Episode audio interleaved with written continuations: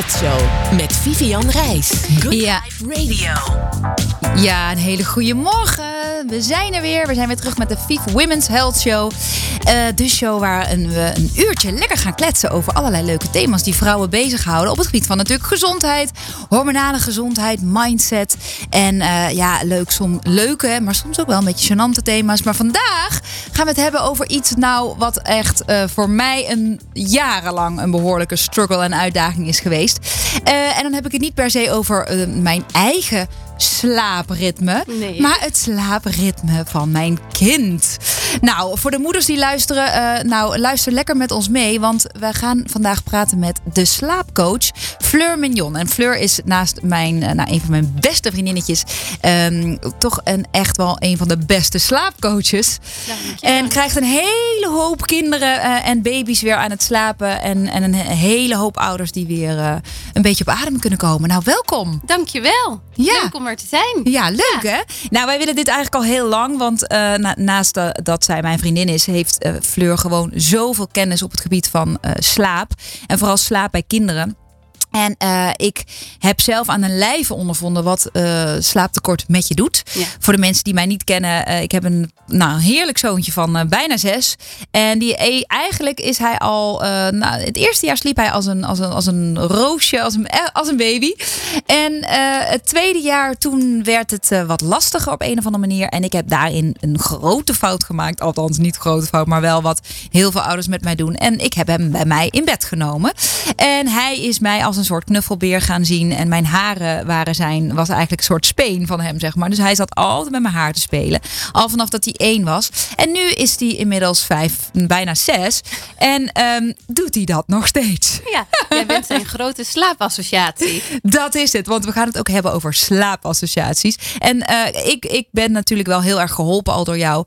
Maar eh, soms laat ik hem nog steeds lekker bij mij slapen. Maar eh, het blijft een uitdaging om je kind in je eigen bed te krijgen.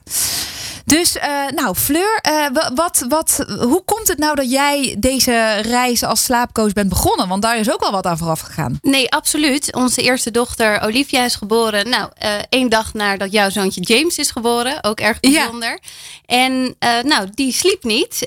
Eigenlijk zo goed als niet overdag. En in de nacht was dat ook met nou, heel veel wiegen, heel veel extra flesjes. Uiteindelijk kwamen we dan aan een aantal uren. Dat moet ik zeggen in combinatie met reflux. Dus het teruggeven van de voeding eigenlijk. Dat Ja. is natuurlijk storend. Daar wordt een kindje wakker van. Een kindje is nat. Eh, zij had gelukkig ongecompliceerde reflux. Dus dat houdt in dat het, nou ja, happy spitters zijn. Ze spugen, ze zijn er vanaf. Het is oké. Maar het stoort natuurlijk wel aan het slapen. En betekent dat, dat dat ze er minder last van hebben, van die zuurbranden eigenlijk? Ja, die zuurbranden hebben ze meer bij gecompliceerde reflux. Ja. Dus dan gaat het zuur echt op en neer. Nou, je kan je voorstellen, als je zelf al maagzuur hebt, eh, dan wil je gewoon rechtop zitten. Babytjes liggen. Het grootste gedeelte van nou, de eerste levensjaren. Ja. En gaat daar op en neer dat zuur omhoog naar beneden. Kan dat wondjes veroorzaken, ontstekingen. Dus dat is gewoon onprettig en pijnlijk. Ja. Maar bij ongecompliceerde reflux, dan is het spugen, dan zijn ze er vanaf. En dat zijn eigenlijk hele blije kindjes. En kindjes die vooral heel veel wel nat zijn en die je veel moet verschonen. Maar ja, goed doorheen te komen. Maar zeker een stoorzender als het gaat om slapen. ja. Nou, toen wij dat eenmaal onder de knie hadden, eh, hebben wij zelf een slaapcoach ingeschakeld. Want ja, we konden niet meer. Het was niet meer heel erg gezellig thuis. Nee. Hè, dat is natuurlijk ook het. Niet slapen eh, levert ook een probleem op binnen de gezinsdynamiek. Dat zie je gewoon vaak. Dat zie ik ook Ja. met ouders die bij mij komen, die toch zeggen: ja, nou ja, hè, de relatie is ook niet meer helemaal wat het geweest is. Je hebt alle twee een kort lontje. Je slaapt niet goed. Maar ook gezondheidsproblemen bij ouders worden natuurlijk door getriggerd. Ja. Ehm, ook voor onze gezondheidszorg. Hè? Eh, ouders die niet meer naar werk kunnen. Die eh, in, in de uitkeer, een uitkering krijgen. Of werkeloos worden zelfs. Maar ook eh, slaappillen die voorgeschreven moeten worden. Dus eigenlijk als het bij een kindje niet goed gaat, heeft dat uiteindelijk ook ja, zijn defect op een, Ja. op een heel gezin. Eh, nou, zo had het dat ook bij ons. En na het inschakelen van een slaapcoach maakten we daar zoveel sprongen mee. Dat ik dacht, ja, dit gevoel wat je dan hebt naar zo'n nacht doorslapen. En dat is, wordt altijd gezien als de holy grail, hè? maar met name ook wat het een kindje oplevert. Dus gewoon lekker in zijn vel, uh, zich goed kunnen ontwikkelen, uh, ook gedragsmatig. Hè? Zie je heel vaak dat dat veel problemen oplevert als er niet goed geslapen wordt. Ja. Uh, gewoon een ander kind hebben wat zich kan focussen, wat kan leren, wat, wat het geheugen wat er goed van gaat ontwikkelen natuurlijk. Ja, ja. ja dat, dat geeft je zoveel voldoening natuurlijk ook als ouder. En ik dacht, ja, dit wil ik gewoon elke ouder meegeven. Dus Ja.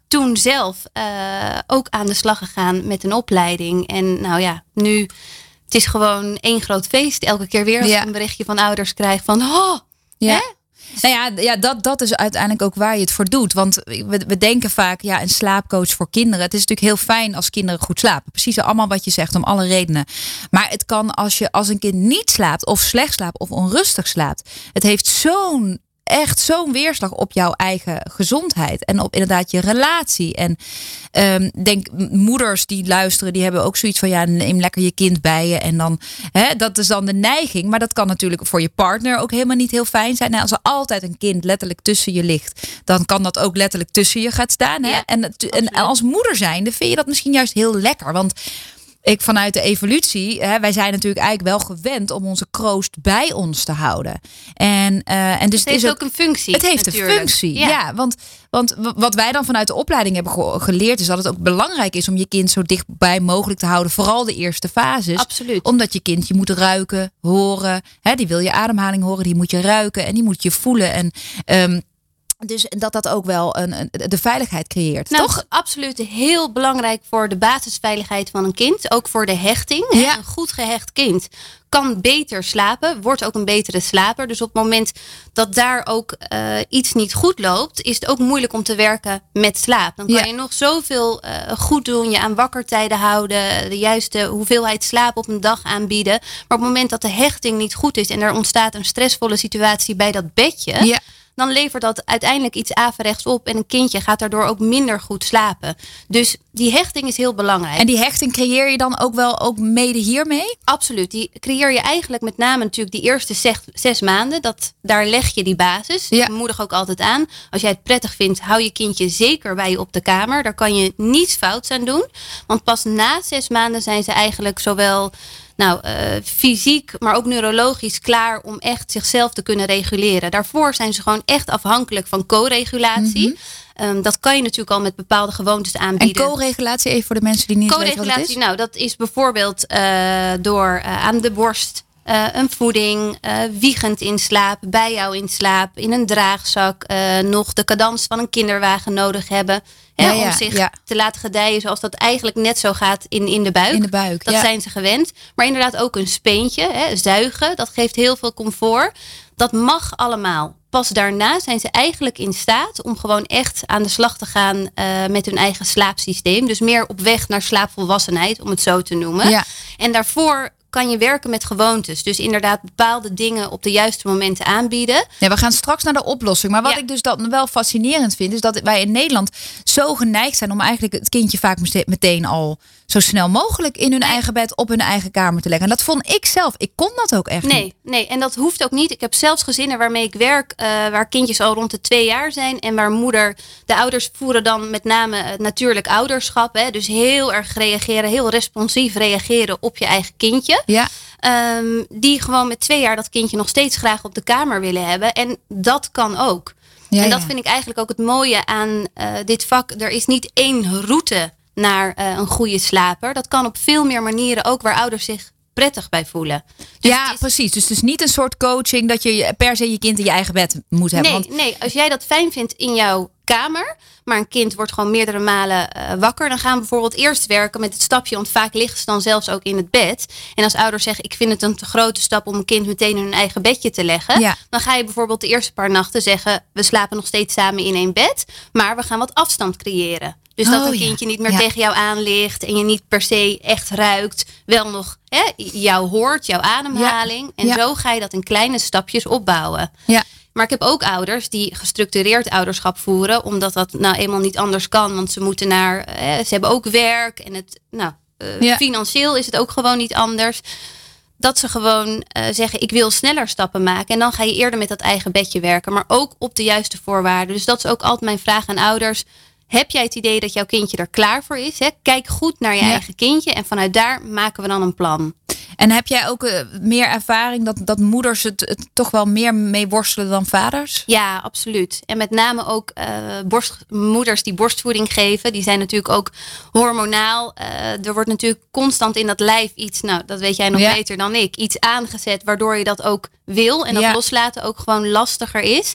Sterker nog, kindjes die bij moeders in bed slapen, die borstvoeding geven, die moeders produceren, produceren drie keer zoveel borstvoeding. Ja. Dus ook daarin zeg ik, ga eerst kijken in de nacht of je wellicht wegkomt met een flesje. Dus je hoeft helemaal niet te stoppen met die borstvoeding.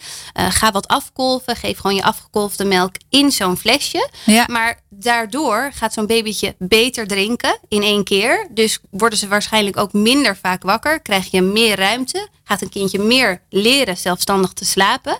En vanuit daar kan je weer stappen nemen.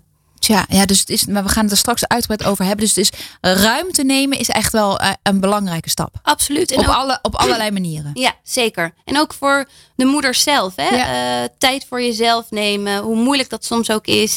Ik zeg ook vaak, kijk of ze toch een nachtje naar opa of oma kunnen. Of dat je overdag elk uurtje wat je pakt. Ja. Dat is gewoon al mooi meegenomen. En dat voelt jouw kindje ook. Als jij helemaal moe bij zo'n bedje gaat proberen een kindje in bed te leggen. Ja. En eigenlijk al alles in je lijf zegt, eh, ik ben hier niet klaar voor. Dan gaat dat natuurlijk ook niet werken. Nee. Nou, we gaan in het volgende blokje gaan we het hebben over eh, hoe je nu kunt zien als een kind eh, inderdaad overprikkeld en, en echt slaaptekort heeft. Want dat heb ik met mijn James ook gehad zonder dat ik het zelf wist. Ja. Eh, en natuurlijk eh naar allerlei tips. Want vrouwen willen natuurlijk ook weten wat kan ik dan doen. Ja. Maar voor nu gaan we even luisteren naar een lekker liedje. Vief Women's Health Show met Vivian Reis. Good Life Radio.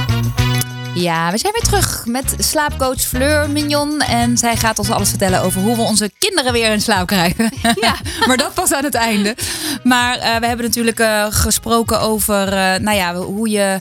Hè, hoe, jouw eigen verhaal en mijn eigen verhaal. En hoeveel mensen er eigenlijk worstelen toch wel met het, eh, het slecht slapen van hun kinderen. Ja, en dat, dat is veel meer dan je denkt. Want één op de vier van, met kindjes onder de vijf jaar ervaart echt een slechte slaper en slaapproblemen. Zo, Eh, dat is echt veel. ja. dat is veel. Je ziet dat eigenlijk 30 tot 40 procent van de kinderen onder de vijf een slaaptekort hebben. En nou, 1 op de 10 van ouders met babytjes van rond de 6 maanden, die ervaart het slapen ook echt als problematisch. Dus het is niet, eh, het is iets waar we vaak heel makkelijk over doen. Hè? Het is ook Ja. het eerste onderwerp op verjaardagen. Van ja. Slaapt hij al door? Slaapt hij al door? Hè? De holy grail. Ja. Lukt het al? En tegelijkertijd hangt er ook een soort taboe omheen. Van, oh, mijn kindje slaapt nog niet door. Wat moet ik zeggen? Dan krijg je vaak eh, tips van, eh, nou ja, weet je, anders hou je hem overdag lekker lang wakker. Dan slaapt hij de nacht wel. En niets is minder waar. Want nou, daar komen de hormonen alweer Ja. eh Ja. opspelen. Dat een kindje wat heel veel wakker is, zit heel hoog in zijn cortisol. En een kindje, een kindje, ik denk ook hè, een, een volwassene natuurlijk. Ja. Hoe hoger het cortisol, hoe moeilijker het is om te slapen. En hoe moeilijker het is voor melatonine om nou, Ja. te maken dat je in baan slaap te kan maken. vallen. Juist. Nou ja, dat hoeft dus ook niet. Cortisol denken misschien nu ouders, ja, maar ik heb helemaal geen stress. Mijn kind heeft helemaal geen Nee. stress. Maar het kan ook te maken puur met te veel daglicht of te veel, toch te veel prikkels en eh, tv en iPads en al die dingen. Nou, dat zeker. Dat zie je natuurlijk ook vaak. Ehm, zelfs bij kleine baby's dat ouders zeggen... ja, maar er wordt nog geen iPad gekeken. Nee, maar er is wel een ouder broertje... wat de laatste twee uurtjes voor bedtijd toch even voor de tv zit. Ja. En dan het kindje vervolgens meekijkt vanuit de box... of krijgt dat mee. En inslapen wordt gewoon meteen moeilijker. ja, of een ouder die de hele tijd op de telefoon zit. Precies, precies. Toch? Ja, dat wordt vaak onderschat. Inderdaad, eh, daglicht stelt natuurlijk die interne klok in, waar ze in eerste instantie nog niet mee geboren worden. Kindjes hebben natuurlijk een omgekeerd dag- en nachtritme als ze hier. Ja, want dat is de komen. basis waardoor dat, dat. Want dat vind ik belangrijk Ja. om te begrijpen. Ja, dat is de basis. De interne klok. Dus eh, nou, met een week of acht is dat eigenlijk goed geïnstalleerd als je je zorgt dat je kindje overdag goed aan daglicht wordt blootgesteld. Dus Ja. kijk of je in ieder geval een ochtendslaapje buiten in de kinderwagen kan doen of in de draagzak. Dat helpt al heel erg mee. Ja. En s'avonds bij bedtijd moet het gewoon echt donker zijn. Dus, Hmm. En dan bedoel ik echt een straaltje licht activeert eigenlijk alweer dat cortisol. Hè? Ja, Dat, dat ja, wakkerhormoon. ja. Dat zorgt ervoor dat wij weten overdag door het licht... oké, ik moet wakker zijn. Dat lijf gaat aan. En zodra het donker wordt, dan wordt er inderdaad baan gemaakt voor de melatonine. Dat zorgt dat een kindje goed kan slapen. Maar dat moet dus wel goed ingesteld worden. Ja, en want, want, want we gaan strakjes in het derde blokje naar, naar de tips. Hè? Hoe kunnen we dat doen? Maar wat ik zo, zo fascinerend vind, is hoe zie je nou of een kind slaaptekort heeft? Nou, dat zie je uh, eigenlijk 9 van de 10 keer is het gedragsmatig. Dat je dat toch wel ziet. Hè? Een kindje is constant overprikkeld, uh, kan zich niet goed concentreren. Ik zie ook heel vaak, uh, ik stuur een uitgebreide intake mee natuurlijk naar ouders. En dan kruisen ze eigenlijk altijd de kindjes met het grootste slaaptekort kruisen ze aan. Nieuwsgierig en alert kindje. Oh en daar bedoelen ze dan eigenlijk mee dat dat kindje zich maar een paar minuten op iets kan concentreren. Uh, ongeacht de leeftijd. En dan weer iets anders wil. Of moet heel opgetild worden. Of er moet iets anders verzonnen worden. Die heeft heel veel prikkels nodig om eigenlijk zo'n wakkertijd om door te komen. En dat betekent eigenlijk dat een kindje gewoon oververmoeid is. Ja. Uh, daarnaast, en dat zal je misschien niet zo snel verwachten, is een kindje wat oververmoeid is, uh, doet er heel lang over om in slaap te vallen. Want die piekt natuurlijk in die cortisol. Dus ja. het is heel lastig om die overprikkeling dan weg te krijgen en rustig te worden en zelfstandig in slaap te vallen. Um, maar ook kindjes die veel wakker worden in de nacht en kindjes die vroeg wakker zijn. Weet je eigenlijk van, oké, in de basis zijn die oververmoeid en die hebben gewoon op de dag te weinig slaap gehad, waardoor die nacht gewoon niet lekker loopt of er een hele vroege early rising is. Ja, en, en de, sommige dingen, daar worden kinderen gewoon mee geboren. Hè? Dus het is ook niet zo dat ouders zich nu schuldig moeten voelen en denken: oh, ik zit misschien wel veel te veel op mijn telefoon. Of ik heb misschien wel uh, veel stress. Of ik ontvang veel bezoek en mensen, wat natuurlijk allemaal ook onrustig en prikkels is. Uh, dan ga je vooral niet slecht voelen. Want sommige kindjes, eh, dat is gewoon de constitutie, toch? Dat is het. En uh, dat is ook denk ik het eerste wat ik altijd hoop ouders mee te kunnen geven. Je hebt natuurlijk gewoon sensitieve, alerte uh, kindjes met een, uh, een pittig karakter. Dat speelt allemaal mee. Dat zijn ook de kindjes waarvan ouders dan tegen mij zeggen... ja, hij hoeft maar één geluid te horen of hij is afgeleid of wakker. Hè, en denkt, waar is het feestje? Haal me eruit. Ja, ja dat zit gewoon in het kindje. En dat soort kindjes hebben eigenlijk nog net wat meer slaap en rust nodig. Maar daardoor ook, kijk gewoon goed naar je kind. Dan kom je eigenlijk gewoon altijd al heel erg ver. Ja, en ik heb dat zelf mogen ervaren. Ik dacht altijd, mijn kind heeft zoveel energie. Die heeft veel minder slaap nodig. Ja. En nu, maar waar ik dus achter kwam, is dat hij eigenlijk, nou dat weet jij ook, om vijf uur viel die altijd standaard op de bank in slaap. Ja. Maar ja, om je kind van 4, 5, nou om 5 uur al in bed te leggen, ja. dat werkt ook niet. Want dan weet ik dat ik om 5 uur ook weer wakker word in ja. de nacht. Nee, klopt. Dat, dat is dan weer inderdaad net te vroeg. Maar dat heeft gewoon te maken met toch wat oververmoeidheid in dat lijf. Ja. Dus dat lijf uh, gaat op en af op verkeerde momenten die cortisol of die melatonine aanbieden. Nou, in dit geval ging hij er dan om 5 uur overheen. Dan krijg je dat stuiterbal-effect. Dat zijn al die ja. ouders hè, die tegen mij zeggen: Ja, maar ik ben om, uh, om 7 uur boven. Nou, die springt nog van het ene naar naar het andere bed, hangt de clown uit. Nou, dat is eigenlijk een teken van vermoeidheid. In ja. plaats van een kindje wat nog niet moe is. Want een kindje wat niet moe is, dat kan op dat moment nog lekker rustig even zitten kleuren en, ja. en tekenen. Dus ook altijd met etenstijd, hè? vaak een battle, daar kan je het ook aan zien. Uh, heel veel kindjes eten gewoon net te laat. Rond vijf uur is het beste tijdstip. Dan ja. uh, is alles gewoon gezakt, kunnen ze rustig hun bed in en ze zijn nog net niet te moe om nog te kunnen eten. Want vaak zijn ze al dat klopt. te ja te ja. moe als je rond half zes, zes uur gaat eten. Dus mocht dat even lukken, kies dan voor een uurtje op vijf. Dat geeft dan die laatste energieboost en dan red je het net tot bedtijd. En ja, ik zeg eigenlijk het liefst altijd, en dan heb ik het over de kindjes van drie, vier jaar, rond half zeven. Ja. is echt perfect. Nou ja, ik heb dat echt van jou mogen leren. Dat, en, en wel ook een beetje met behulp van een klein beetje melatonine, omdat ik moest iets doorbreken. Ja. Uh, overleg dat dan wel altijd met de orthomoleculair therapeut of met, uh, hè, of met je huisarts. Je hebt hele lage doses voor kinderen. Uh, om, en ook drankjes waar het een klein beetje in zit. om even die melatonine piek te doorbreken. Nee, omdat, dat... omdat uh, hij, als ik hem om vijf uur op de bank in slaap liet vallen, dan kreeg ik hem om tien uur nog steeds niet in bed. Dan was hij hyper en. Um, dus ik moest hem wakker houden. Ik heb dat echt een tijdje geprobeerd. Echt wakker houden, wakker houden. En dan inderdaad om zes uur uh, uh, ging, gingen we naar boven. En om half zeven, toen ik dat ben gaan doorbreken. Vroeger eten, heel klein beetje, beetje melatonine. Nu is die melatoninepiek verlegd. En nu valt hij zelf om half zeven, zeven uur in slaap. Ja, precies. En dat is ook uh, wat ouders vaak onderschatten. Het is niet een soort magische knop die je inderdaad indrukt. Het Nee. is echt gewoon even een weg die je moet bewandelen Ja. van een aantal weken. En dan reset je eigenlijk die interne klok. Ja. Ja, en dan gaan ze gewoon. Ja, en melatonine is niet iets wat ik, eh, is geen wondermiddel ook, want je wil dat ook niet lang gebruiken, want je wil dat kinderen dit zelf gaan aanmaken. Ja. Maar soms als ouders dit herkennen, kan het misschien een beetje, maar ik zeg wel altijd over, doe het altijd wel in overleg met een therapeut, want je kan wil een kind ook niet te veel geven en zeker niet te lang. Dus het kan soms net even twee weken helpen om dat te doorbreken of een ander slaap. Je hebt natuurlijk ook wel wat kinderslaapdrankjes die misschien net even Precies. dat boostje kunnen geven. Ik ben zelf ook altijd heel erg fan of adviseer ik eh, de magnesiumspray voor Mm. onder de voetjes.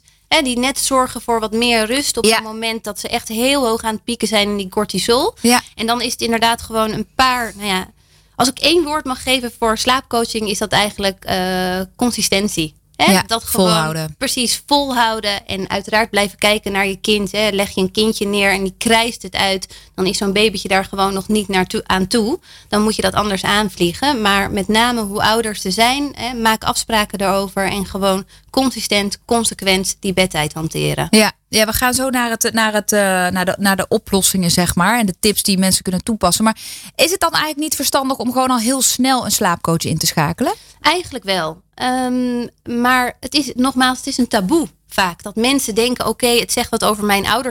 Ja, ja. Hè, of ik doe het niet goed. Maar ik, echt waar, ik wil iedereen op het hart drukken dat hoeveel ervaring je ook hebt. Of welke achtergrond. Ja. eh, het kan iedereen overkomen. Dat is gewoon echt waar.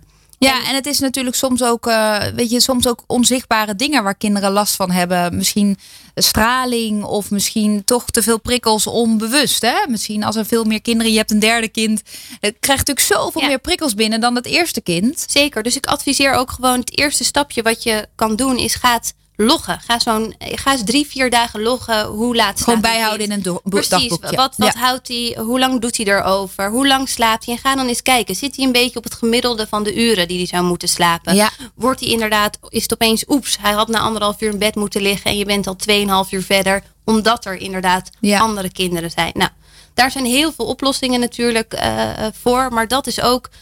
Vroeger hadden we natuurlijk, ze zeiden wel eens, eh, it takes a village to raise a child. Ja, Dat hebben we nu niet meer. nee, community, nee. Precies, dat, dat, dat, dat missen we gewoon eh, op dit moment. We zijn alleen maar met elkaar in contact, of met name met elkaar aan het kijken. Het is een hele maakbare wereld. Ja. Maar voor dat goed leren slapen heb je eigenlijk gewoon meer nodig dan dat. En ik hoop eigenlijk dat ik voor mensen in zo'n vroeg mogelijk stadium een beetje die village Ja, zijn. dat zeg je mooi, ja. Want ik denk ook, en dat heb jij zelf ook ervaren, ja, iemand moest jou er ook uittrekken. Zeker. Omdat als moeder ben je zo verbonden met je kind dat je denkt, ja, ik wil gewoon, hè, ik, ik moet er dichtbij blijven en ze moeten of hij moet bij mij blijven, want dan gaat het goed. Precies. Terwijl soms moet je even uit die situatie getrokken worden door inderdaad een oma of een tante of een zus of weet je, een community hè, die dat even kan opvangen. Precies. En, en dat is gewoon waar vaak het taboe dan ook zit. En ik veel ouders heb die mij bellen. En dan vervolgens hoor ik een paar weken niks. Omdat ze toch denken, nee, ik moet dit, ik moet dit zelf Ja. kunnen. Ja. Eh, terwijl, ja, het is niet voor niets dat je daar gewoon een aantal jaren een studie voor moet doen. Het Ja. is gewoon ingewikkelder dan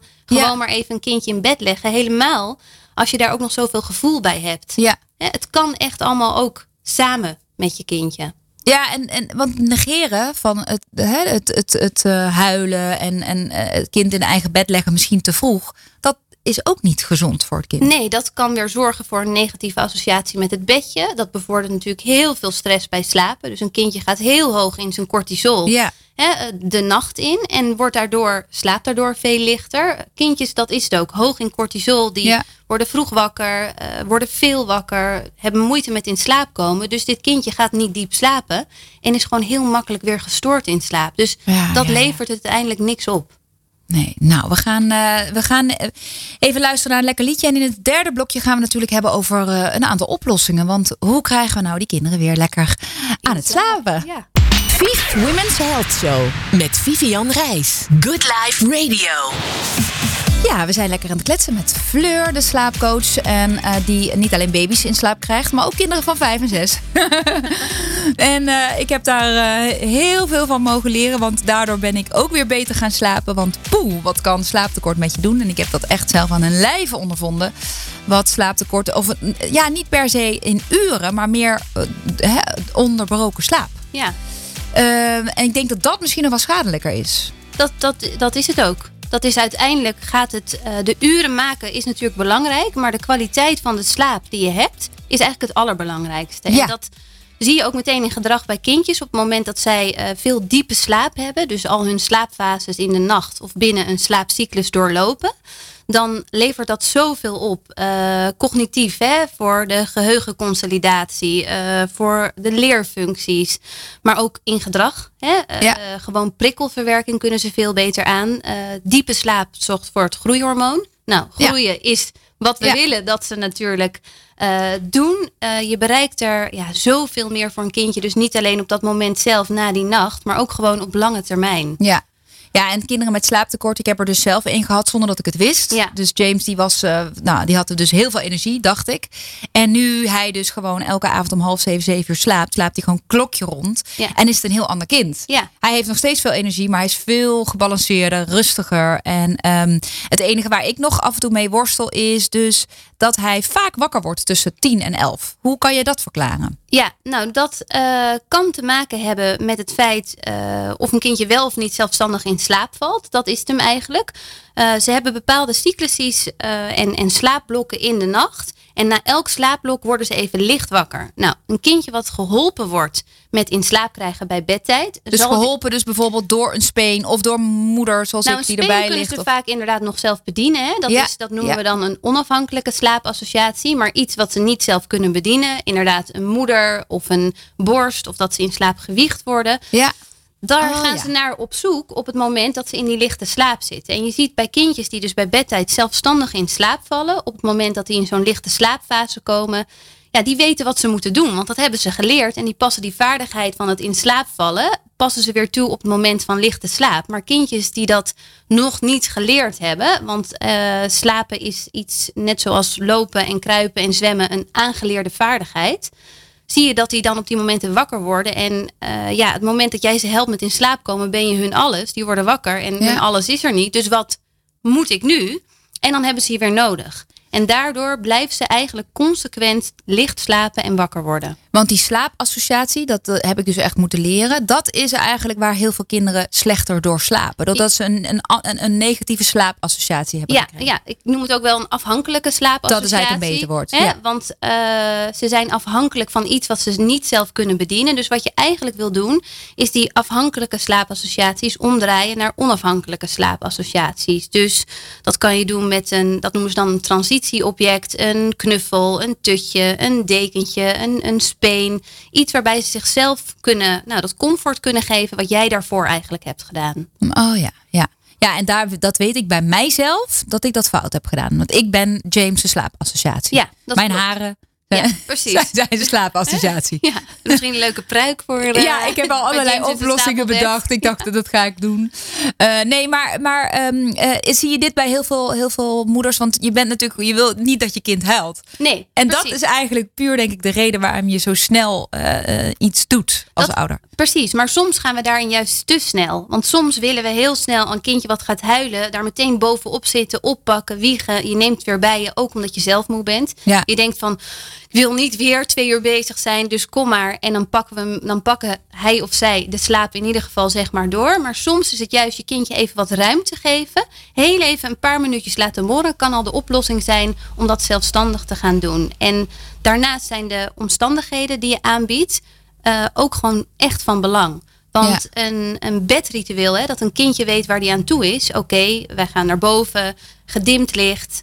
We gaan even in bad, een boekje, eh, liedje, slaapzakje aan en in bed.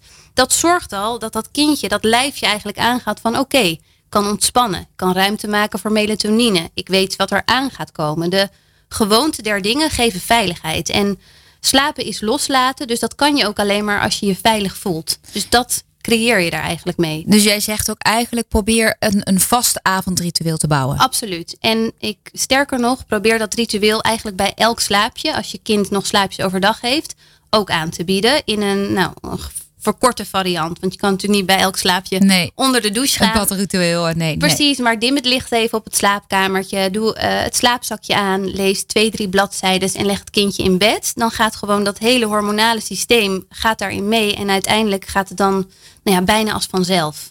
En hoe doe je dat met oudere kinderen?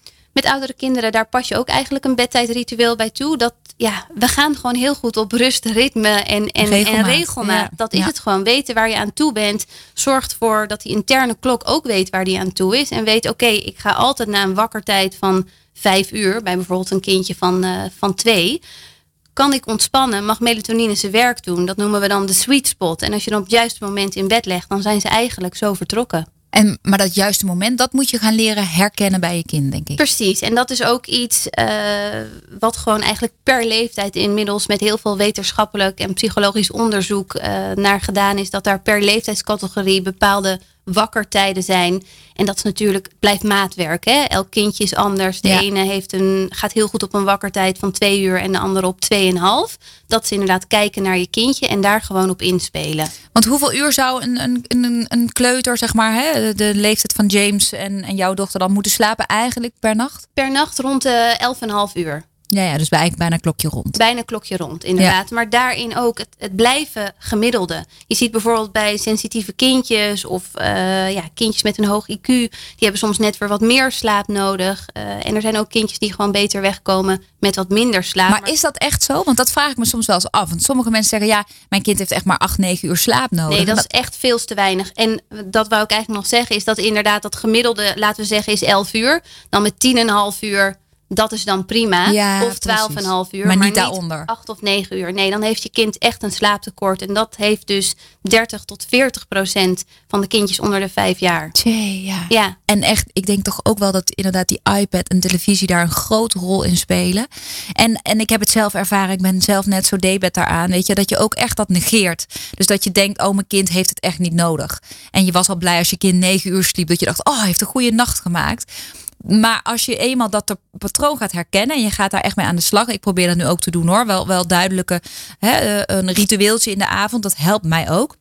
Ik vind het zelf trouwens ook best wel lekker. Ja. Um, maar um, dat je dan eigenlijk pas gaat zien uh, hoeveel slaap je kind nodig heeft. Ik ben er echt van geschrokken. Nou, uh, meer slapen doet meer slapen. Dat is het een beetje. En dat ga je ook zien. Uh, soms krijgen kindjes ook niet de mogelijkheid om meer te slapen. Omdat ze eenmaal op dat tijdstip nog niet in bed liggen. Of je ziet ook vaak hè, ouders die vroeg op moeten voor hun werk. Die om zes uur eruit moeten. Dan wordt zo'n kindje toch wakker. Die zit in zijn laatste slaapfase. Dat is de lichte slaap. Heel makkelijk gestoord. En dan hoor ik letterlijk van ouders op het moment dat die een, uh, een nieuwe baan krijgen. Waarbij ze niet zo vroeg op moeten. Tegenwoordig slaapt die gewoon tot half acht uit. Ja, ja, ja. Ja, ze worden natuurlijk meegenomen in het ritme van, uh, van Precies. de ouders. Precies. En dat is natuurlijk ook de druk van de wereld waar we in zitten. Uh, dat er zoveel moet. En slaap is een beetje een ondergeschikt kindje. Maar eigenlijk ja, een van de allerbelangrijkste dingen om gewoon fysiek lekker in je vel te Voor zitten. Voor iedereen. Het is de eerste levensbehoefte. Hè? Het is geen, uh, geen luxe nee, nee. een goede nacht slaap.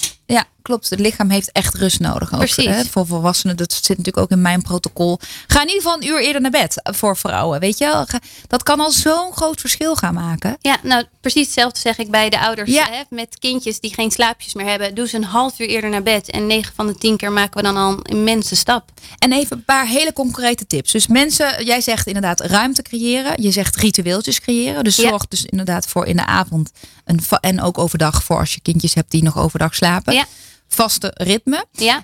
Um, de goede eh, slaapassociaties aanleren. Ja, dus de goede gewoontes. Hè? Eh, de, de gewoontes als dat zelfstandig kunnen met inderdaad speentjes, knuffeltjes, dekentjes. Wat ze fijn vinden. Voor oudere kindjes zeg ik altijd, kijk of je het samen uh, iets kan kopen. Want dat stimuleert natuurlijk ook weer die zelfstandigheid. Die kindjes rond die leeftijd heel erg hebben. Die willen het allemaal zelf doen en die kunnen het allemaal zelf. Dus laat ze zelf iets uitkiezen en laat ze dat mee naar bed nemen. Dat helpt vaak. Dat is echt hun metgezel dan in de nacht.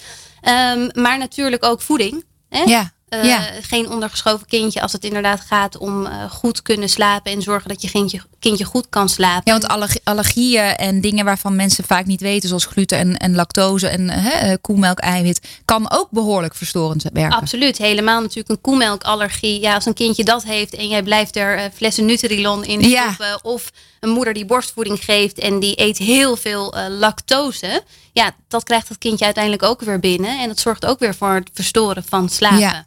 Maar de basis zit. Maar daar moet je wel achter komen. Daar helpt natuurlijk. Je, kun, je kunt op zoek gaan naar een goede orthomoleculair therapeut. Of eh, misschien met de huisarts bespreken als die ervoor open staat. En, en, maar jij als slaapcoach, jij, jij neemt dat ook mee, toch? Dat is het eerste wat ik doe. Kijk, uh, slapen als er nog onrust is, dat is als slapen op een spijkerbed. Dan kan ik zo nog bovenop wakkertijden gaan zitten. De juiste, juiste associaties aanleren. Uh, genoeg slaapjes op de dag. Maar als er onrust speelt, ja, dan komt dat vroeg of laat altijd weer terug. Dus wat eigenlijk altijd doe, ik sluit uit dat er niet iets met werveltjes bijvoorbeeld is. Hè? Dus door een uh, te snelle geboorte of mm. een vacuümpomp. Uh, en dan stuur je ze naar een osteopaat. Osteopaat. Eigenlijk zou ik dat iedereen aanbevelen ja. of aanraden. Uh, dat is gewoon een soort APK voor dat lijfje. Ja. Hoe je het wendt of keert natuurlijk. Hè? Ook al is het met een keizersnee, dan werkt ze vaak met een kiwi. Dat is ook een vacuümpomp er komt gewoon heel veel druk op dat lijfje te staan. Ook tijdens de normale bevalling en de uitdrijving. Dus het is helemaal niet zo gek om een kindje gewoon heel even te laten checken. Want 9 van de 10 keer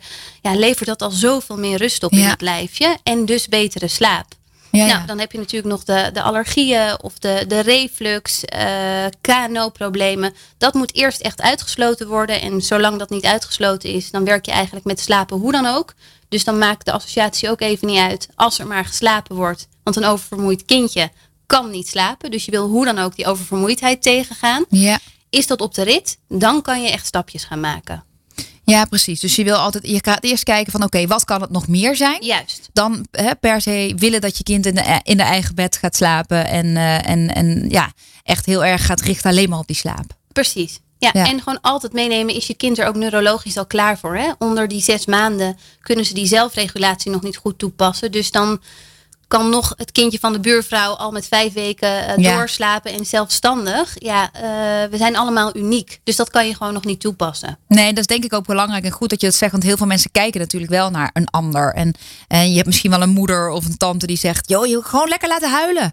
Nou ja, ik kon dat gewoon nee, echt niet. Nee, en het is ook gewoon niet nodig. Nee. Het, is, het is echt niet nodig. Er zijn zoveel andere uh, manieren waarin je ze inderdaad kan helpen. Dus door consequent de juiste wakkertijden aan te bieden, uh, de juiste hoeveelheid slaap, inderdaad die gewoontes, ritme, regelmaat, maar ook inderdaad de voeding. Hè? Niet voor het slapen terwijl ze nog even op de iPad zitten, er nog even een uh, ontbijtkoekje met witte chocolapasta ja. geven. Of ja. zo'n zo'n lekker chocolade. en dingetjes. Ja. Precies, dat werkt natuurlijk ook niet mee. Nee. Ga dan voor een uh, nou, voeding hoog in tryptofaan. Ja, dus banaan zou je kunnen doen als je echt iets zoets wil. Ja, en uh, of misschien nog een flesje. Hè, wat, wat, uh... Precies, hoog in eiwitten. Ja. Wat gewoon ervoor zorgt dat dat ook weer helpt bij het slapen. Want dat is ook wat je ziet. Er wordt heel vaak natuurlijk gedacht bij kindjes die niet slapen dat het honger is.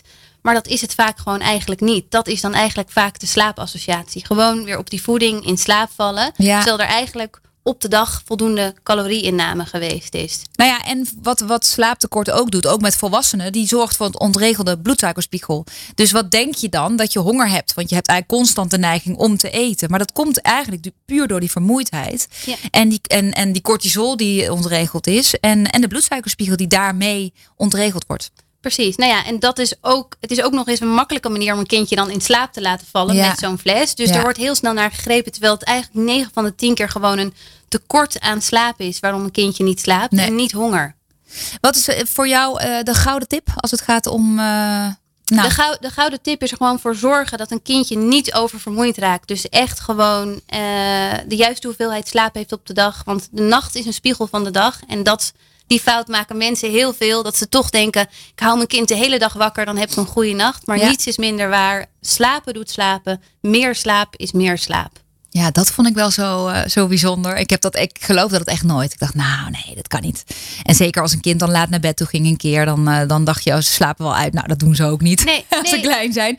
Dus de, je bouwt alleen nog maar nog meer, meer slaap, slaap, op. Maar als je eenmaal dat patroon hebt doorbroken, ja. en ik moet heel eerlijk zeggen, daar, daar, ik, als je een kind hebt wat moeilijk eh, slaapt, als baby al, en net zoals ik had met James, dan is het best wel lastig om dit alleen te doen. En dan kun je inderdaad veel lezen, want jij geeft veel informatie, maar dan is het toch echt wel heel fijn om dat met een coach te doen. Net zoals dat je weer gaat sporten, misschien even met een coach. Of je hormonen in balans brengt met een coach. En je moet er even doorheen getrokken worden. Want anders ga je ook weer heel snel denken: weet je, het lukt niet, laat maar. Dat is het. En dat zou ik ook echt mee willen geven. Dat zo'n patroon, het kost vaak nou, zeven dagen bij kindjes om iets af te leren. Dus de eerste week. De tweede week gaan ze dingen oppakken. Dus vaak met een dag of zeven à tien ga je het eerste verschil zien. En dan een week drie gaat het gedijen in dat systeem. Dus dat hormonale systeem pakt het op, die interne klok. Ik vergelijk het ook wel eens met wintertijd. Ik bedoel, de winter- of de zomertijd hebben wij als volwassenen al best last van. Ja. Een week last van. Ja, en wij kunnen nog op de klok kijken, maar kindjes kunnen dat niet. Nee. Dus uh, geef het echt de tijd. Het is gewoon helaas geen gouden tip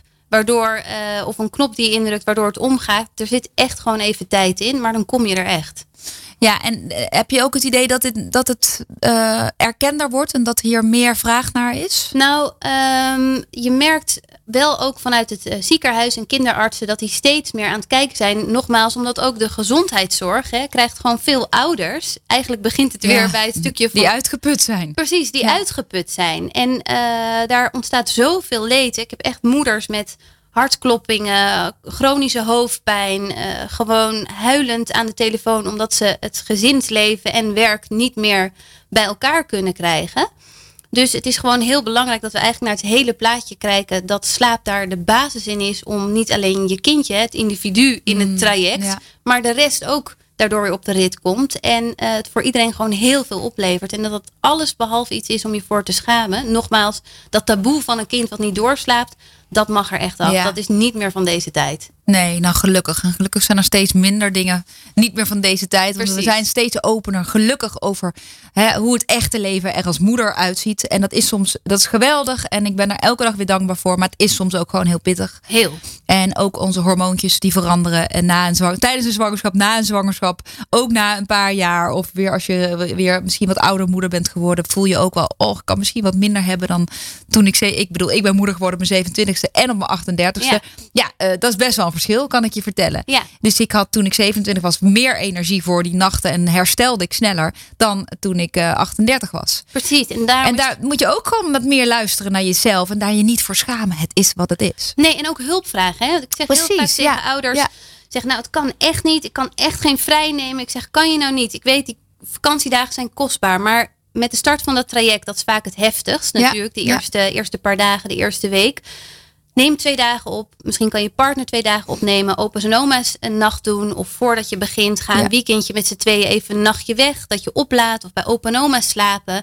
Um, dan maak je gewoon veel sneller stappen. Is het beter vol te houden. En uh, dan komt het resultaat ja. ook gewoon eerder. En dan als laatste zou ik je ook als tip me willen meegeven. Doe het echt samen. Ja, nee, toch? Nee, absoluut. Als ik werk. Tuurlijk, als je geen partner hebt, wat, eh, de, wat ik destijds alleen met James, dan is dat natuurlijk prima. Ja. Uh, maar dan heb ik nog een puber in huis die ook moet meewerken. Want als zij herrie gaat maken, precies op momenten. Die, mijn pubers hebben natuurlijk, die willen pas om 7 uur, 8 uur eten. Ja. Terwijl ik gewoon om 5 uur moest eten. Ja. Hè? Dus, dus je moet eigenlijk je gezin een beetje meenemen daarin. En zeker als je het samen doet, als je met een partner bent. Als je partner heel erg zoiets heeft van pff, wat een gedoe.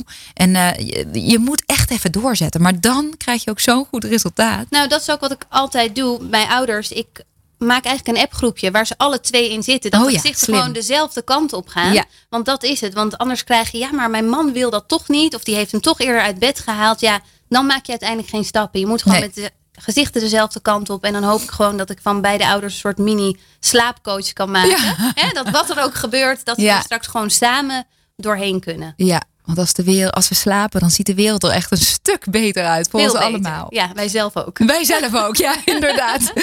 nou, Fleur, heel veel dank. Ik denk super En waardevol en, eh, en eh, interessant. Hè? Daan, eh, je bent dit, dit keer gewoon helemaal stil. Want dit babygebeuren gaat natuurlijk wel een beetje aan jou voorbij. Ja, het gaat flink aan me voorbij. Maar mijn broer die is een week of vijf, zes geleden vader geworden. Oh, dus, Dus je ik- weet wel een beetje nu. ik ken de eh, verhalen een klein beetje. Ja, en Slapen, slaapt hij door? Of, sla- of nog niet? Ja, ze slaapt eerste wel. vraag ze- Zo, zo. Ja, ik, ik vraag het ook altijd. Maar dat komt dat ik er zelf zoveel last van heb. Precies. Nee, dat Ja. gaat goed. Gaat Dat goed, gaat goed. Nou, heel fijn. Nou, ik denk, eh, ik denk dat heel veel vrouwen en, eh, en, en mannen ook eh, hier heel veel baat bij zullen hebben. En als ze nou ja, behoefte hebben, dan kunnen ze jou natuurlijk contacten. Absoluut. En, en jou als een soort super nanny, slaapnanny eh, even... Ik neem ze bij de hand. Ja, neem ze bij de hand. over. Precies, precies.